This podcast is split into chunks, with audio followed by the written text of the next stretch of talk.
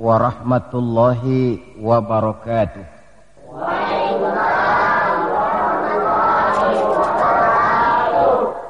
الحمد لله الحمد لله الذي أسرى بعبده ليلا من المسجد الحرام إلى المسجد الأقصى. والصلاة والسلام على سيدنا محمد الذي كانت حسناته لا تحصى وعلى آله وأصحابه أهل الصدق والتقى أما بعد Saudara-saudara hadirin yang berbahagia.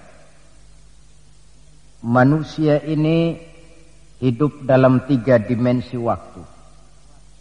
Masa lalu, masa sekarang, dan masa yang akan datang. Masa lalu katanya adalah kenangan. Masa sekarang adalah kenyataan dan masa yang akan datang adalah harapan, impian, khayalan atau cita-cita.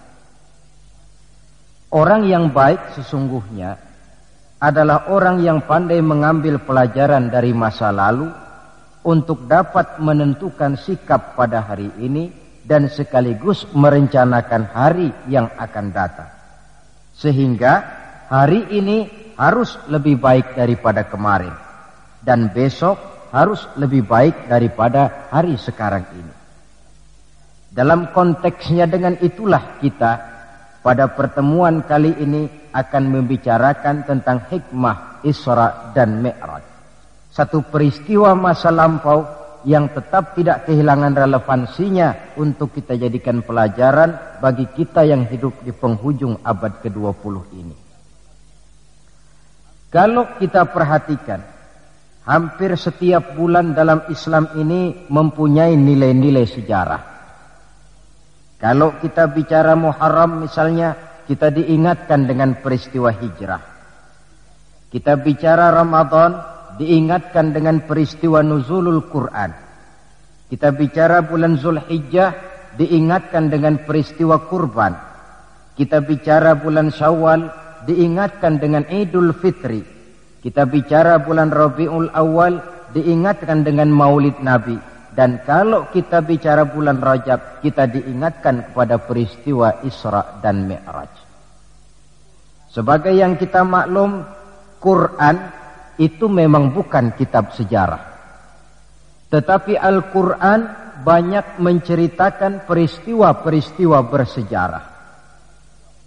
Dan kalau kita perhatikan gaya bahasa yang digunakan oleh Al-Quran dalam menceritakan peristiwa-peristiwa bersejarah itu berbeda satu dengan lainnya. Istimewa sekali bahwa untuk menceritakan peristiwa Isra dan Mi'raj Allah memulai ayatnya dengan menggunakan kalimat tasbih. Seperti yang kita baca dalam surah Bani Israel ayat pertama. Subhanallazi asra bi'abdihi laylan minal masjidil harami ilal masjidil aqsa. Maha suci Allah yang telah menjalankan hambanya pada suatu malam dari masjidil haram di Makkah ke Masjidil Aqsa di Palestina. Mari kita coba dekati ayat ini per kalimat untuk memudahkan pengertian kita di dalam memahami peristiwa Isra dan Mi'raj ini. Ayat ini dimulai dengan kalimat subhanallazi. Dalam ilmu balaghah, kalimat semacam ini disebut dengan kalimat ijaz yaitu kalimat yang redaksinya ringkas namun isinya padat. Di situ ada kata yang tersirat yakni lafzul jalalah sehingga asli kalimatnya subhanallahillazi maha suci Allah dan ini disebut dengan kalimat tasbih.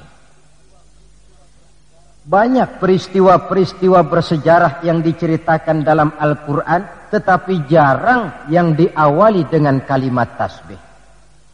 Al-Quran menceritakan bagaimana Allah menciptakan Nabi Adam tidak dimulai dengan kalimat tasbih. Al-Quran menceritakan bagaimana Fir'aun dan bala tentaranya ditenggelamkan di lautan merah itu kejadian hebat tidak dimulai dengan kalimat tasbih. Pun Al-Quran menceritakan bagaimana umatnya Nabi Saleh, umatnya Nabi Hud dan lain sebagainya yang ditelan gempa bumi, ditiup angin topan, seluruhnya diceritakan dalam Al-Quran tetapi tidak satu pun yang dimulai dengan kalimat tasbih. Istimewa untuk menceritakan Isra dan Mi'raj ini Allah memulai ayatnya dengan kalimat tasbih. Subhanallazi maha suci Allah.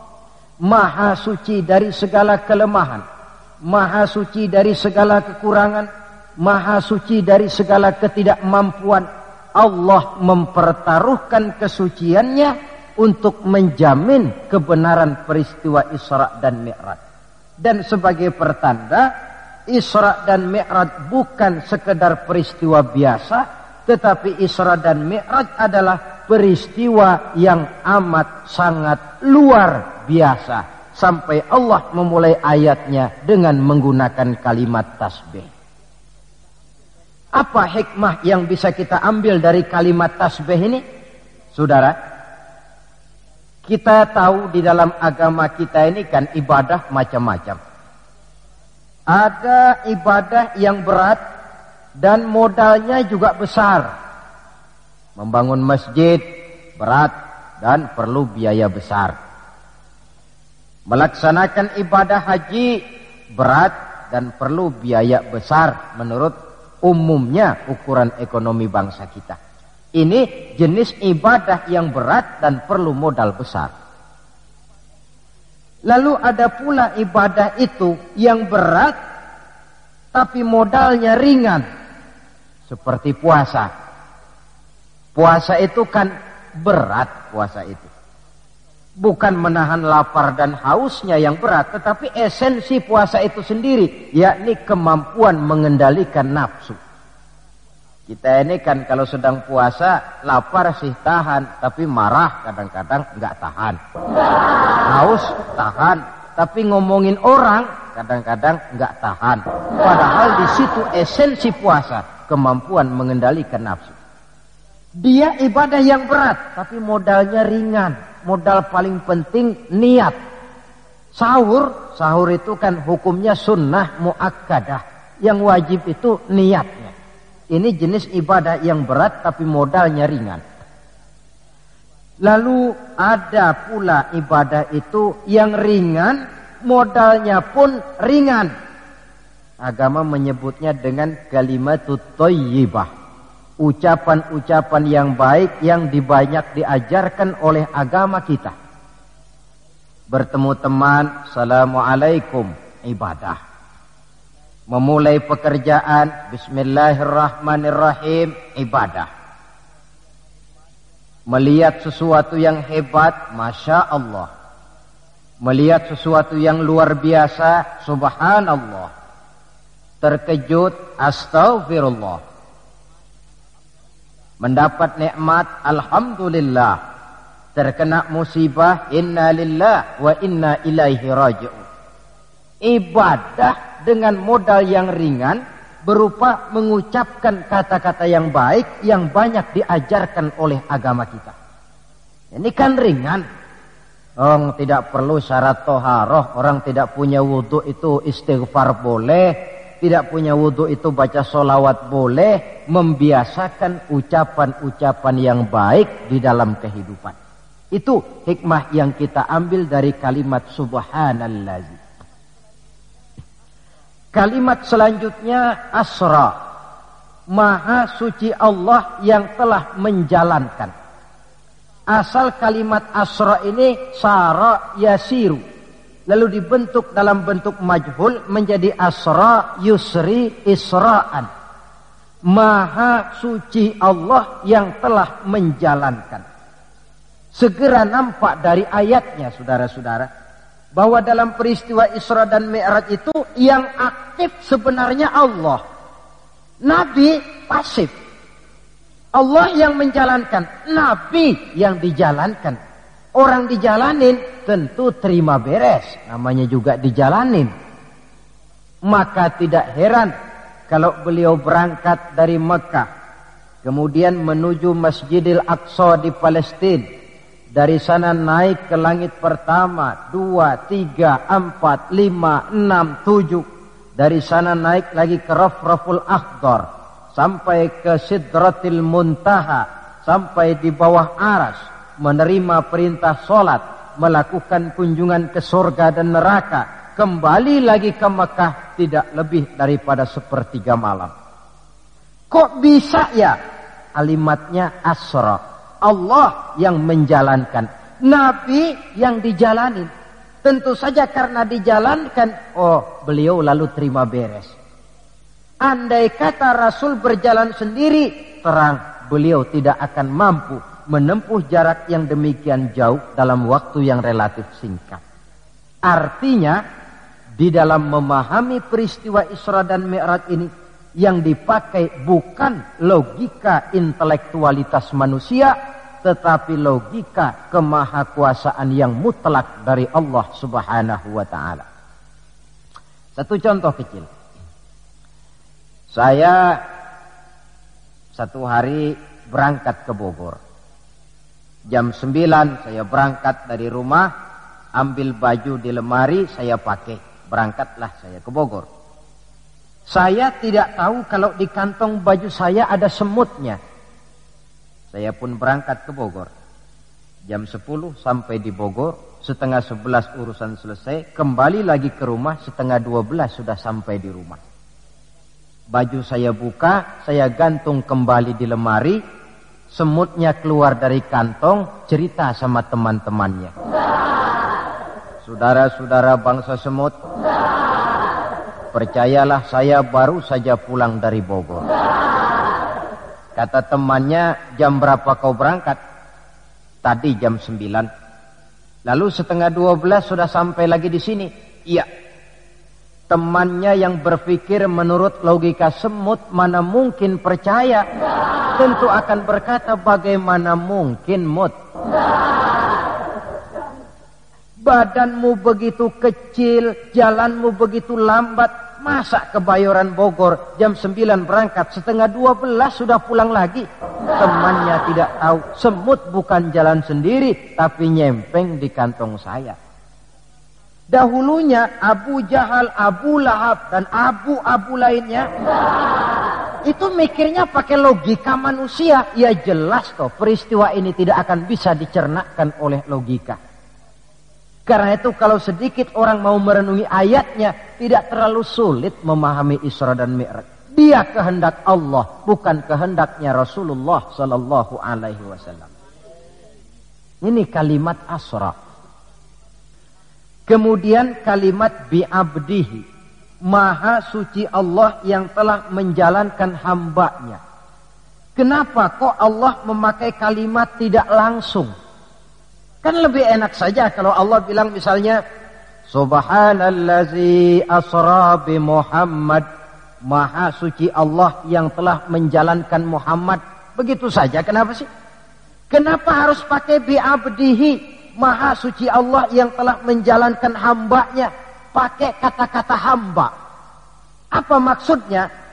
Nah di dalam kalimat hamba ada dua data Data pertama, kalimat hamba di sini menjelaskan bahwa Nabi Muhammad itu Isra dan Mi'raj dengan roh dan dengan jasad sekaligus. Sebab apa? Orang hanya dipanggil hamba kalau punya roh dan punya jasad. Jasad tanpa roh namanya mayit. Roh tanpa jasad gentayangan mungkin namanya pocong.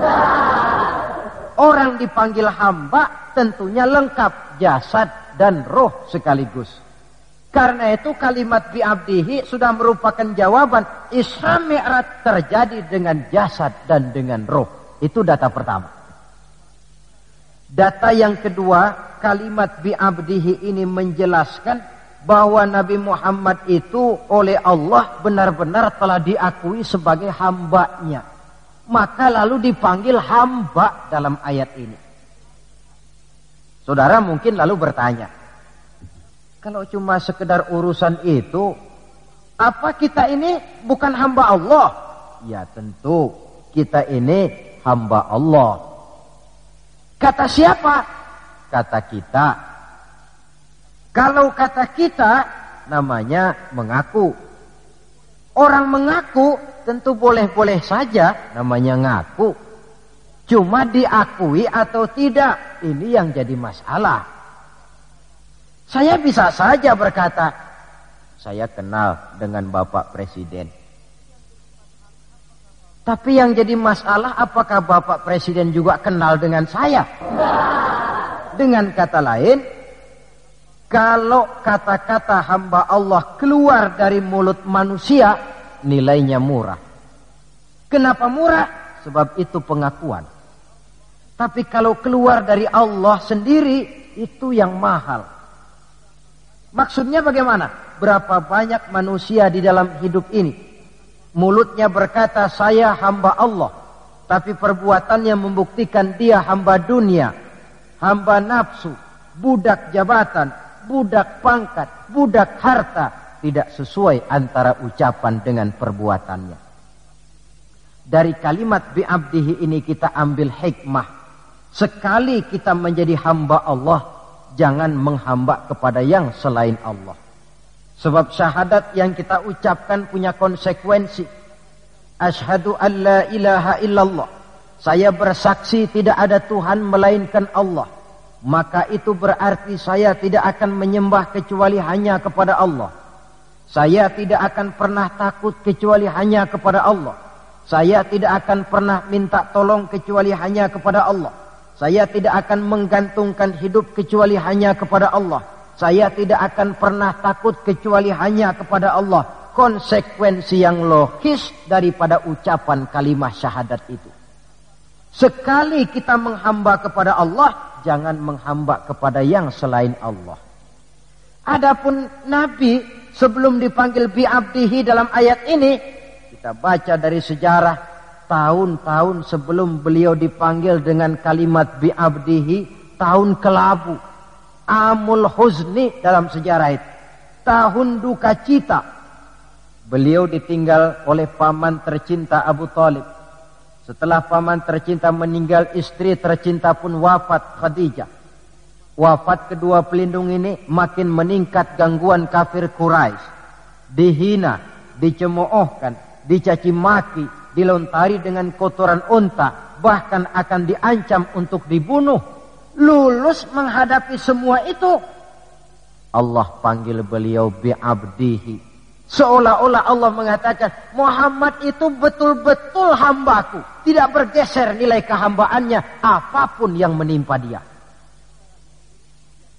Saudara hadirin yang saya hormati, ini kalimat bi'abdihi.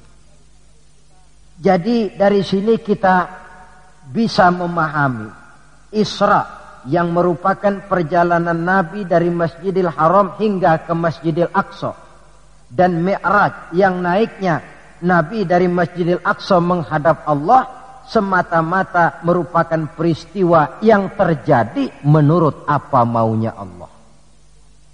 Nah, kemudian apa tujuan daripada Isra dan Mi'raj itu. Hakikatnya cuma Allah yang tahu tentu. Namun kalau kita lihat di penghujung ayatnya kita akan menemukan kalimat linuriyahu min ayatina. Keseluruhan perjalanan yang ajaib itu sejak berangkat sampai kembali tujuannya linuriyahu min ayatina untuk kami perlihatkan kepada Nabi Muhammad itu sebagian kecil daripada tanda-tanda kebesaran kami. Untuk disampaikan kepada umatnya dan kemudian menjadi pelajaran di dalam mengarungi kehidupan.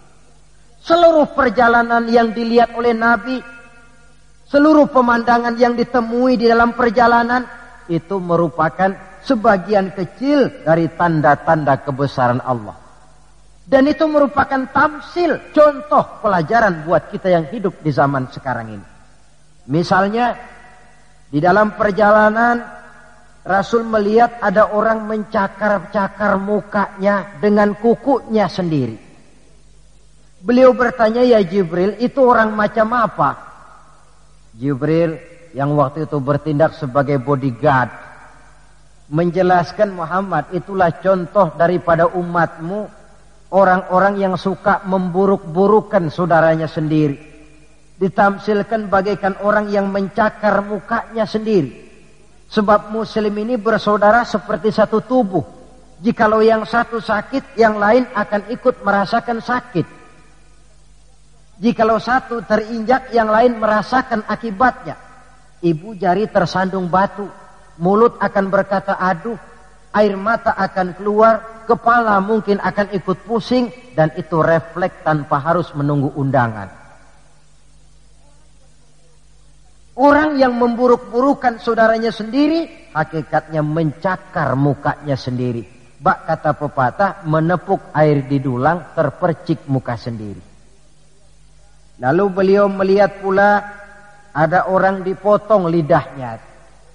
Kata malaikat Jibril, Muhammad itu tamsil daripada umatmu, orang-orang yang suka mengumpat, para pembuat fitnah, tukang bikin gosip dan menjelek-jelekan orang lain.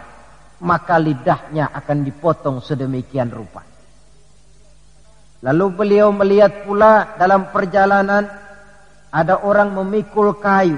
Sudah cukup berat, rengkek-rengkek dia membawa beban yang cukup berat itu. Anehnya malah beban yang sudah cukup berat itu bukan dikurangi, malah ditambahi. Makin berat makin ditambah, makin berat makin ditambah. Sampai Nabi heran dan tanya, Jibril apa lagi kalau ini? Nah Muhammad, ini tamsil daripada umatmu, orang-orang yang dipercayakan untuk memikul satu amanah, tetapi amanah yang belum yang satu belum dia laksanakan, sudah diterima amanah yang lain. Akhirnya bertumpuk-tumpuk di pundaknya amanah-amanah yang harus disampaikan. Orang yang terlalu banyak jabatan, tetapi kemudian ternyata tidak mampu melaksanakan tugasnya. Tapi dikasih jabatan baru, mau lagi. Dikasih yang baru, mau lagi. Soal mampu of tidak, soal nomor dua, yang penting punya jabatan. Orang yang di dalam menerima suatu pekerjaan tidak pernah mengukur dengan batas kemampuan yang dimilikinya. Lalu beliau melihat pula ada sekelompok orang menanam. Hari itu dia menanam, hari itu juga tumbuh, hari itu juga keluar buahnya. Diketamnya, lalu tumbuh lagi gantinya. Tiap kali diketam, tiap kali keluar buahnya. Itu tamsil apa ya Jibril? Kata malaikat Jibril, wahai Muhammad, itulah satu contoh daripada umatmu, orang-orang yang gemar memberikan bantuan kepada orang yang memang memerlukannya mereka yang rajin sodako, membantu fakir miskin, menyantuni yatim piatu, memberikan bantuan kepada pengembangan dakwah, madrasah, pendidikan dan pesantren. Hakikatnya mereka mengeluarkan uang, tetapi hakikatnya itu adalah untuk kepentingan diri mereka sendiri. Dicontohkan laksana orang, hari itu dia menanam, hari itu tumbuh buahnya. Dia petik, keluar lagi gantinya. Begitu seterusnya tidak pernah berhenti. Jadi orang yang rajin bersodako, senang memberikan bantuan kepada mereka yang memerlukannya, pada hakikatnya adalah orang-orang yang tidak pernah merugi barang sedikit pun. Malah milik kita yang sebenarnya adalah apa yang sudah kita belanjakan di jalan Allah. Uang kita di kantong kita adalah uang kita hari ini. Besok barangkali uangnya sopir taksi Uang yang ada di dompet, uang kita hari ini. Besok barangkali uangnya tukang rokok. Uang kita yang sebenarnya apa yang sudah kita belanjakan di jalan Allah. Baik dalam bentuk zakat, infak, sodakoh, dan lain sebagainya. Tentu banyak peristiwa yang dilihat oleh Nabi di dalam perjalanan yang seluruhnya merupakan pertanda kebesaran dari Allah Subhanahu wa taala. Nah, saudara, kemudian di antara tujuan Isra dan Mi'raj, di samping memperlihatkan sebagian kecil tanda kebesaran Allah, menerima perintah sholat.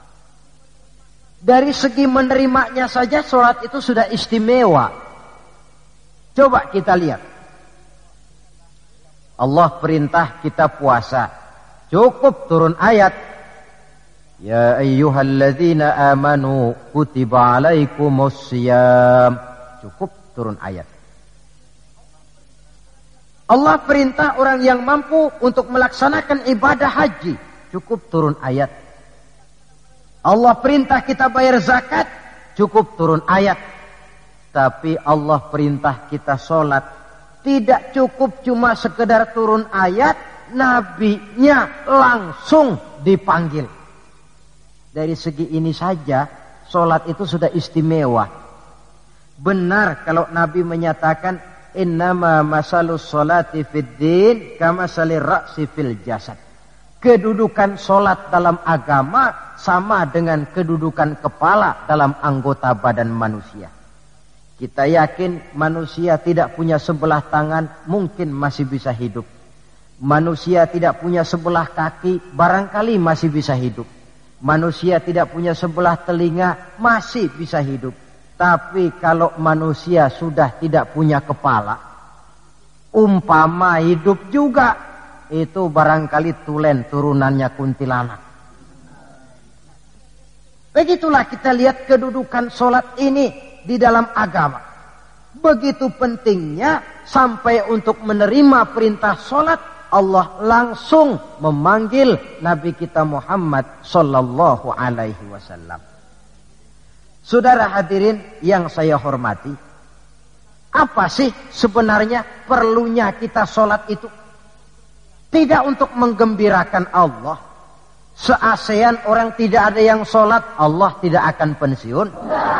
Jangan lagi kita berpikir, ah barangkali kalau kita sejakarta ini tidak sholat, Allah rugi. Tidak.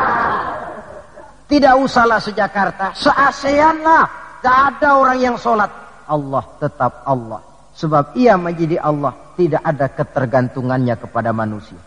Ia tidak pernah mengambil manfaat daripada perbuatan manusia. Solat yang diperintahkan kepada kita, manfaatnya akan kembali kepada kita. Apa sih manfaat solat itu dalam hidup ini? Untuk menjawab apa manfaat solat, coba kita lihat ayat yang memerintahkan solat itu selalu oleh Allah dimulai dengan kata akimis solah. Tidak ada i'malis solah, if'alis solah. Tidak. Mesti akimis solah. Dirikan solat. Bukan kerjakan. Tapi dirikan. Maaf-maaf saudara. Mungkin di antara kita sudah banyak yang mengerjakan solat tapi belum banyak yang mendirikan sholat. Apa bedanya Pak mengerjakan sholat dengan mendirikan sholat itu? Kalau mengerjakan sholat itu cuma asal sekedar gugur kewajiban. Kadang-kadang keluar sholat Jumat nukar sendal. Mentang-mentang khotibnya khutbah Saudara-saudara kaum muslimin, ambillah yang baik, tinggalkan yang buruk. Lalu keluar praktek. Padahal sholat. Di situ kita lihat bahwa orang macam ini sebenarnya hanya sekedar baru mengerjakan sholat. Belum mendirikan sholat. Padahal agama menuntut kita dirikan sholat. Apa pengertian mendirikan sholat itu? Mendirikan sholat artinya mengerjakan sholat dengan betul, cukup syarat rukunnya, selesai sholat, ajaran sholat diterjemahkan di luar sholat. Itu artinya mendirikan sholat. Jadi ada istimror, kontinuitas, kesinambungan kata orang sekarang. Pada waktu dia mengerjakan sholat kelihatan khusyuknya. Setelah selesai dia sholat kembali ke masyarakat, kembali ke tempat tugas, ajaran sholat diterjemahkan di sana. Nah, saudara hadirin, apa ajaran sholat yang harus kita terjemahkan dalam hidup yang artinya ini merupakan manfaat daripada sholat? Pertama, Salat mengajarkan kita satu sifat yang disebut rendah hati. At-tawadu. Rendah hati bagaimana? Anggota badan kita yang paling kita hormatikan kepala. Kalau bergurau dengan teman, dipukulnya tangan kita masih senyum kita. Dipegangnya kaki masih senyum kita. Tapi kalau sudah kepala, marah. Namun kepala yang begini kita hormati, manakala sujud di hadapan Allah sama rendahnya dengan telapak kaki kita. Allahu Akbar. Selesai sholat, kembali ke masyarakat, sombongnya hilang. Ini mendirikan sholat. Sebab apa? Dia tahu orang sombong itu Allah tidak senang. Iblis diusir dari sorga itu kan cuma karena sombong. Diperintah sujud kepada Nabi Adam dia tidak mau. Allah tanya iblis kenapa kau tidak mau ini kan perintahku kata Allah. Iblis dengan sombongnya menjawab wahai Allah. Saya akan diciptakan dari api. Adam kan dari tanah. Unsur api lebih mulia daripada unsur tanah. Masa saya harus sujud sama Adam yang baru kemarin gengsi ah. Kata Allah kamu sombong iblis. Surga bukan tempat orang sombong. Keluar. Iblis diusir dari surga. Jadi kira-kira sajalah yang sudah di surga itu sombong saja diusir. Apalagi kita yang masih di dunia ini. Dalam segala bentuknya sombong itu Allah tidak senang. Sombong ilmu Allah tidak senang. Mentang-mentang punya ilmu agama, tepuk-tepuk dada, nih saya satu-satunya ustadz di sini. Semuanya mesti ngaji sama saya ya. Kalau tidak ngaji sama saya, Islamnya kurang tapi sah. Sombong. Sombong harta, ibu-ibu Allah juga tidak senang. Sombong pangkat pun demikian juga. Yang wajar-wajar sajalah kita dalam hidup. Tawadu yang kedua, solat mengajarkan kita untuk ikhlas. Berbuat tanpa pamrih. Kalau sudah Allahu Akbar, itu sudah karena Allah. Orang mau puji atau tidak, mau tahu atau tidak, mau dengar atau tidak, yang penting Allah. Tertanam keikhlasan. Bagaimana orang yang ikhlas dalam berbuat itu? Maaf-maaf Orang yang ikhlas dalam berbuat itu seperti orang buang air besar. Saudara, kalau saya tanya, pagi-pagi buang air besar itu ikhlas apa tidak? Walaupun malam saudara habis makan enak, sate, opor ayam, buahnya anggur, apel, besok pagi dibuang, ikhlas. Tidak pernah ditengok-tengokin. Begitu jatuh lalu dilihat ini jangan-jangan satenya ini tidak. Sudah jatuh ya sudah. Kurelakan di kau pergi. Berbuat tanpa pamrih yang penting Allah. Ini mendirikan sholat. Yang ketiga, ah, ini saya kira yang banyak dicari orang sekarang. Sholat itu memberikan ketenangan dalam hidup. Ketenangan bagaimana? Kita manusia hidup ini kan punya ambisi dan emosi. Yang orang lain punya kita kepengen. Yang orang lain bisa kita kepengen. Itu wajar namanya manusia mesti punya emosi. Tapi emosi yang membludak tanpa dinetralisir akan bisa menimbulkan psikosomatik di mana manusia disiksa oleh perasaannya sendiri. Cobalah. Kadang-kadang dia lihat tetangganya beli televisi berwarna. Tetangga yang sebelah meriang. Enggak dia apa-apain, meriang. Tetangganya malah makin kaya, besok beli kulkas. Wah dia makin gawat, opnam, masuk rumah sakit. Di rumah sakit dapat kabar tetangganya beli mobil, wah mati dia. Disiksa oleh perasaannya sendiri. Orang yang sholat lain. Jam 11 siang lihat tangga tetangga bawa TV berwarna baru. Temperatur naik, panas, wajar.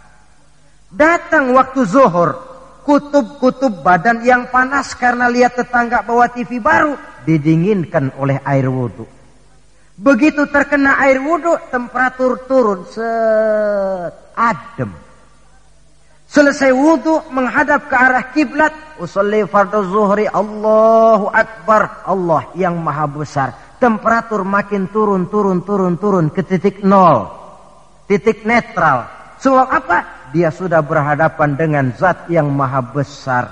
Allahu Akbar. Yang besar cuma engkau ya Allah. Televisi tetangga saya mah kecil. Itu sebabnya Nabi pernah meng, meng, mengisyaratkan tanda orang bahagia itu dalam urusan dunia dia lihat ke bawah. Tapi dalam urusan akhirat, dalam urusan agama dia melihat ke atas. Kalau dia punya mobil dia berkata, Alhamdulillah kita ini punya mobil. Tetangga sebelah cuma punya motor. Kata yang punya motor, Alhamdulillah punya motor. Wong tetangga sebelah cuma sepeda aja ke mana-mana. Kata yang punya sepeda, Alhamdulillah punya sepeda. Tetangga sebelah ke mana-mana jalan kaki terus. Kata yang jalan kaki, Alhamdulillah masih bisa jalan. Tetangga sebelah lumpuh bertahun-tahun gak ke mana-mana. Kata yang lumpuh, Alhamdulillah masih hidup. Tangga sebelah kemarin out nggak balik lagi. Timbul rasa syukur.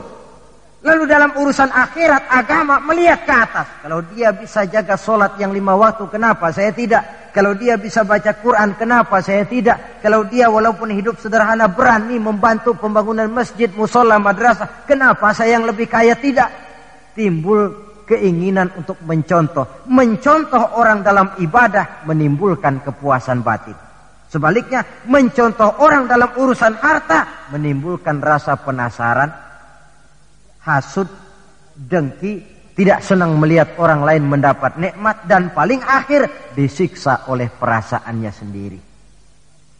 Ketenangan dalam hidup, ketenangan dalam rumah tangga tercipta karena sholat.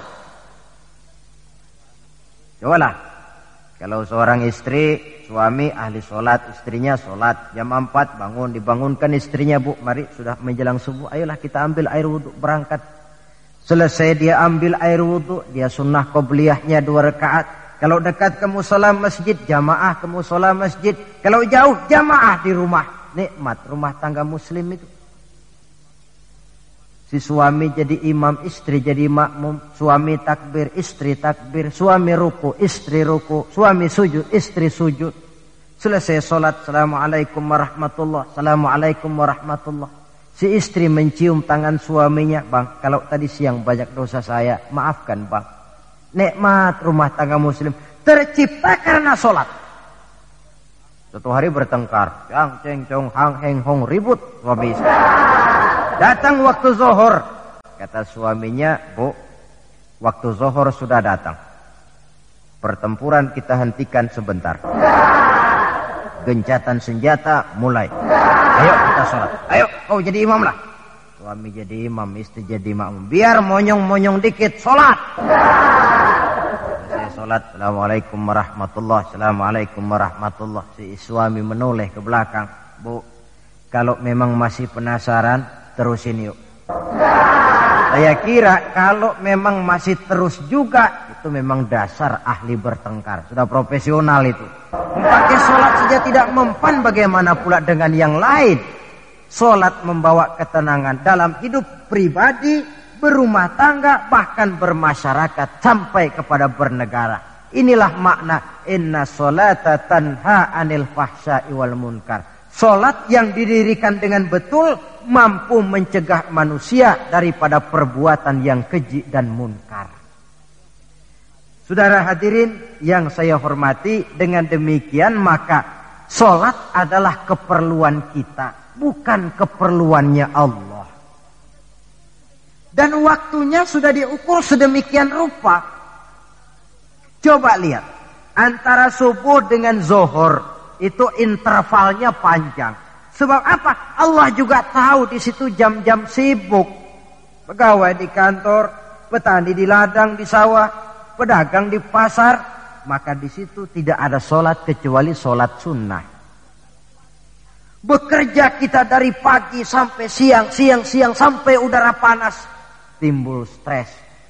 Datang refreshing, istirahatlah jangan diporsir ademi dengan wudhu lalu sholat zuhur selesai sholat zuhur kembali lagi ke tempat tugas antara zuhur dengan asar intervalnya lebih pendek. Sebab apa? Dalam udara panas kerja cepat melelahkan. Maghrib dengan isya intervalnya lebih pendek lagi. Sebab apa? Sudah masuk malam sebagian besar kejahatan justru terjadi pada waktu malam. Antara Isya dengan subuh intervalnya memang panjang, tapi di sana ada terminal kontrol cadangan yang disebut tahajud, hajat dan sebagainya. Terminal-terminal kontrol cadangan untuk menjaga stabilitas temperatur batin manusia. Jadi dengan demikian kalau diabaikan kerugian untuk manusia sendiri. Sebab hakikatnya Allah tidak pernah mengambil manfaat daripada amal dan perbuatan manusia itu. Nah, saudara-saudara, dari uraian yang singkat ini kita ambil beberapa kesimpulan. Pertama, Isra dan Mi'raj adalah maunya Allah. Kita manusia punya kemauan Allah juga punya kemauan. Kalau kemauan kita sesuai dengan kemauan Allah tentu jadi. Kalau tidak, ya tidak. Maunya Allah yang jadi, bukan maunya kita. Nah, agar mau kita dimaui Allah, caranya bagaimana? Mudah saja. Ikuti apa maunya Allah, nanti dia ikuti maunya kita. Dekati Allah, nanti dia dekat dengan kita. Kalau dekat, fasilitas tentu dikasih. Memang kita dekat sama lurah saja kadang-kadang dapat fasilitas kan. Dekat dengan orang-orang tertentu bisa mendapat fasilitas. Dekat dengan Allah demikian juga adanya. Sarana komunikasi yang paling efektif untuk mendekati Allah. Sholat adanya. Yang kedua. Seluruh kejadian dalam alam hanya bisa terjadi karena dua proses Pertama yang disebut proses kauniyah. Yaitu seluruh kejadian yang terikat oleh hukum kausal. Hukum sebab akibat. Kalau begini mesti begitu. Kejadian seperti ini bisa diperhitungkan, dapat diperkirakan dan bisa dianalisa. Tapi ada kejadian lain yang disebut proses rabbaniyah kejadian yang terjadi menurut apa maunya Allah dan tidak tunduk kepada manusia, kepada hukum kausal. Contoh,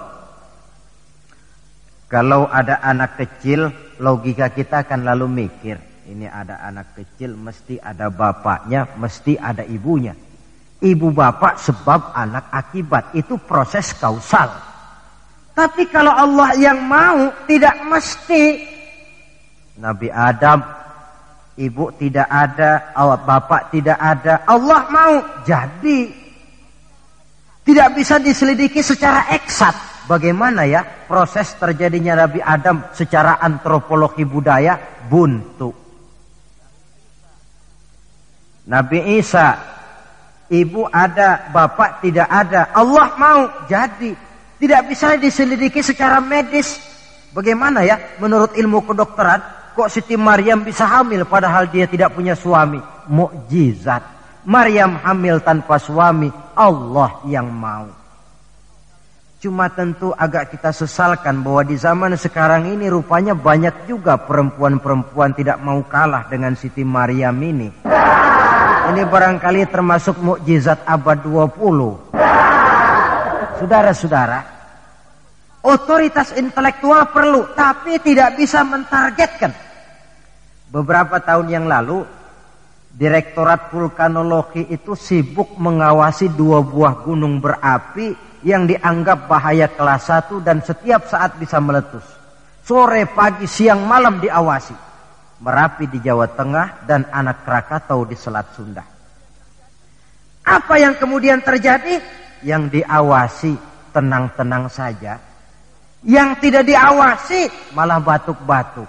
Galunggung. Begitu Galunggung meletus, komentar macam-macam.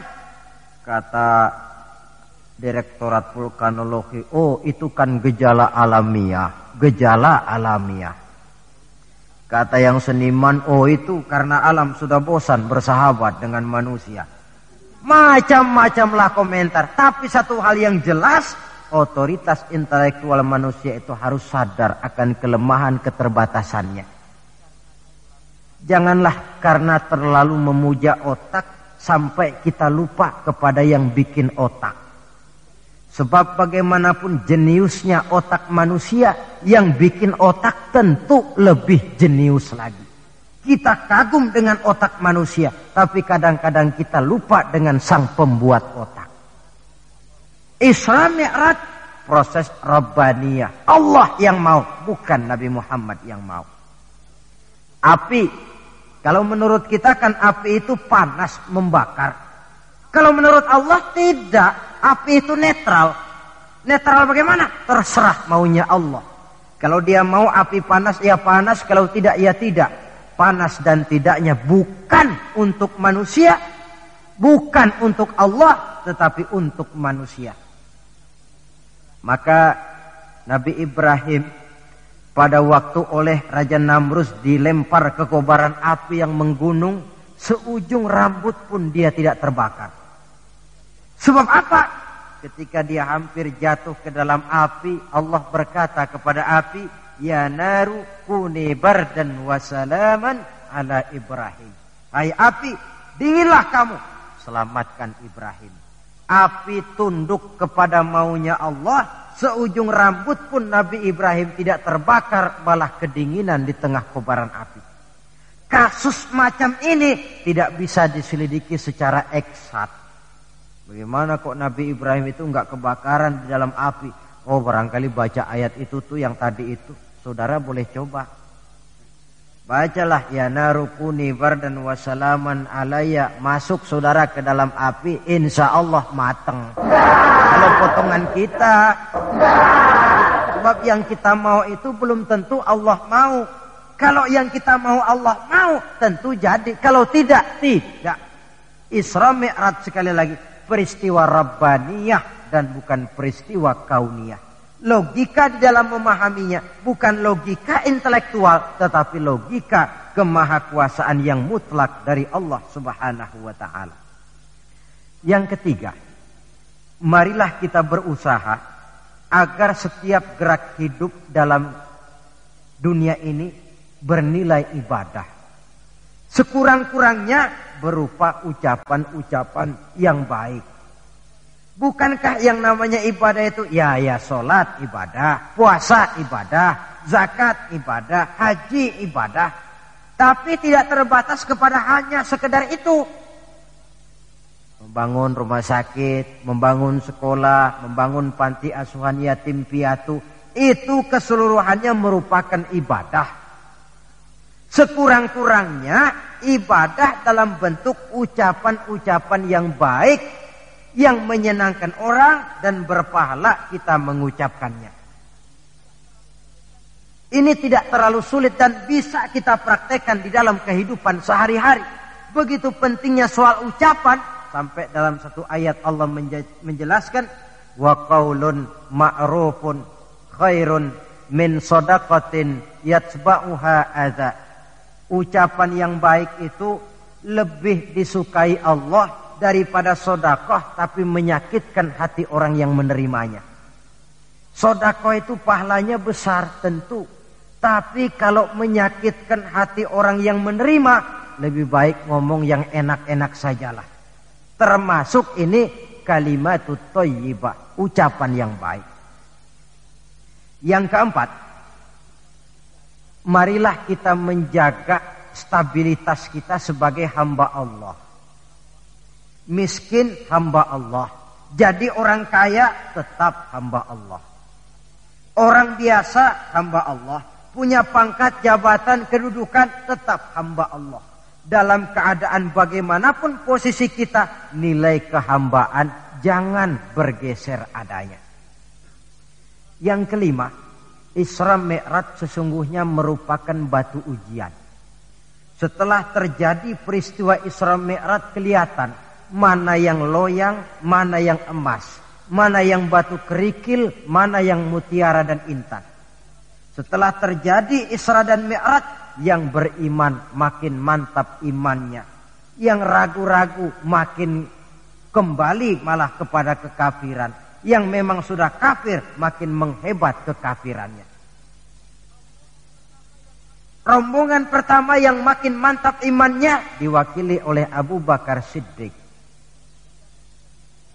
Sehingga ketika diceritakan orang kepadanya, wahai Abu Bakar sahabatmu Muhammad itu sudah gila dia. Gila bagaimana? Masa dia cerita katanya tadi malam dia dari Masjidil Aqsa. Lalu sekarang sudah ada di Mekah lagi. Betul dia cerita macam itu. Betul. Eh saudara. Kalau memang Muhammad yang cerita macam itu. Jangankan cuma sekedar sampai Masjidil Aqsa di Palestina lebih daripada itu pun kalau dia yang memang betul cerita, saya percaya. Makin mantap. Yang ragu-ragu malah ada yang kembali kepada kekufuran. Yang kafir malah makin menghebat kekafirannya. Maka Isra Mi'raj merupakan ujian bagi umat untuk menyaring, merupakan filter mana umat Nabi yang benar-benar yakin dengan iman dan mana yang setengah-setengah dan mana yang murtad kemudian mana yang ingkar dan kafir. Oleh karena itu hakikatnya kejadian apa pun yang kita alami dalam hidup hendaklah berlaku seperti Nabi Sulaiman alaihi salam. Diberikan beliau kekuasaan, diberikan pengetahuan, diberikan harta yang banyak. Atas semua itu beliau hanya berkata, Hadza min fadli rabbi liyabluwani aashkuru am akfur. Semua ini kekuasaanku, hartaku, ilmu pengetahuan yang diberikan kepadaku ini cuma sekedar karunia untuk menguji diriku adakah aku bersyukur karenanya atau malah aku menjadi ingkar karenanya. Maka bersyukurlah kita yang hidup di satu zaman yang jauh dari zamannya Rasulullah kita belum pernah berjumpa dengan beliau. Belum pernah mendengar suara beliau. Tidak melihat gerak langkah di perjalanan beliau. Entoh kita beriman dengan peristiwa Isra dan Mi'raj ini. Jauh lebih beruntung daripada orang-orang yang langsung ditongkrongi Nabi. Mereka melihat wajah Nabi. Mendengar Nabi membaca wahyu. Melihat mukjizat. Tetapi mereka tidak juga mau beriman. Nilai-nilai iman ini kalau tidak kita pelihara dan kita syukuri akan bisa bergeser ditelan oleh segala macam godaan dan cobaan yang kita hadapi di dalam perjalanan hidup ini. Saudara-saudara hadirin yang saya hormati. Dengan begitu maka Isra dan Mi'raj dengan segala kejadian yang ada di dalamnya sekali lagi merupakan bukti kemahakuasaan yang mutlak dari Allah dan kelemahan serta keterbatasan dari kemampuan yang dimiliki oleh manusia. Membicarakan Isra dan Mi'raj artinya bercermin di dalam perjalanan yang luar biasa itu. Bercermin apa? Bahwa pengetahuan manusia, taruhlah dia sudah melanglang buana ke ruang angkasa, tapi masih terbatas kepada alam yang fisika dan itu pun sedikit sekali. Belum dia menyeberang ke alam metafisika. Kekayaannya, apalah artinya kekayaan manusia ini? Jabatan barangkali. Kita semua sadar bahwa pangkat yang paling tinggi sebenarnya kan pensiun. Titel yang paling akhir tidak lain adalah almarhum. Setiap kita akan berjalan ke arah itu. Sehingga tidak terkena apa yang diingatkan Allah. Kalla innal insana la yatgha ar-ra'ahu manusia itu mudah lupa diri. Manakala melihat dia sedikit mampu kaya berkuasa pandai mudah lupa diri cobalah lihat Berapa banyak orang-orang yang tadinya sudah adil, berjuang menegakkan keadilan, namun di tengah jalan dia bisa berbalik meluncur menjadi orang yang justru menginjak-injak keadilan itu sendiri. Berapa banyak orang-orang yang tadinya sudah benar, berjuang menegakkan kebenaran, atau sekurang-kurangnya berniat untuk membela kebenaran, tapi di tengah jalan dia bisa berbalik menjadi orang yang justru hanya mau benar sendirian walaupun tidak benar bagi orang lain. Wa idza masal insana durru da'ana li janbihi aw qa'idan aw qa'ima falamma kashafna anhu durrahu marra ka'allam yad'una ila durrin masahu. Kalau manusia ditimpa kesulitan, dia bermohon kepada Allah supaya dihilangkan kesulitan. Baik pada waktu berdiri sambil berbaring sambil tidur. Manakala kesulitan sudah dihilangkan. Maraka alam yad'una ila durin masahu. Dia pun berjalan dengan sombongnya. Seolah-olah belum pernah minta tolong kepada Allah. Ini kecenderungan manusia. Itulah sebabnya yang terakhir sekali dari pembicaraan kita Kali ini puncak kebahagiaan seorang muslim tidak lain adalah bertemu Allah. Bagaimanapun nikmatnya masuk surga, kalau diukur dengan bertemu Allah, masih jauh lebih nikmat bertemu Allah. Nabi di puncak perjalanan Mi'raj bertemu Allah. Tapi pertemuan itu diawali dengan berbagai macam cobaan, ujian, fitnahan. Sampai kepada ancaman akan dibunuh. Paling akhir beliau mendapat perkenan bertemu Allah. Puncak kebahagiaan hidup yang belum pernah diberikan kepada seorang pun manusia. Baik sebelum atau sesudah beliau. Jadi begitulah seperti pepatah bilang. Habis gelap mesti terbit terang. Inna ma'al usri yusra. Di balik segala kesulitan itu. Insya Allah akan menunggu kemudahan. Kesulitan adalah bagian daripada hidup bukan untuk ditakuti, tetapi untuk dicarikan jalan keluar bagaimana pemecahannya. Saudara, inilah pembicaraan kita pada pertemuan ini. Walaupun selintas, mudah-mudahan bisa memberikan gambaran tentang Isra dan Mi'raj yang pada gilirannya akan memperkuat nilai-nilai keimanan kita dalam rangka melaksanakan apa yang diperintah Allah dan menjauhi apa yang dilarangnya. Terima kasih banyak atas perhatian saudara. Mohon maaf atas segala kekurangan. Usikum wa iya ya bitakwallah. Wassalamualaikum warahmatullahi wabarakatuh. Waalaikumsalam.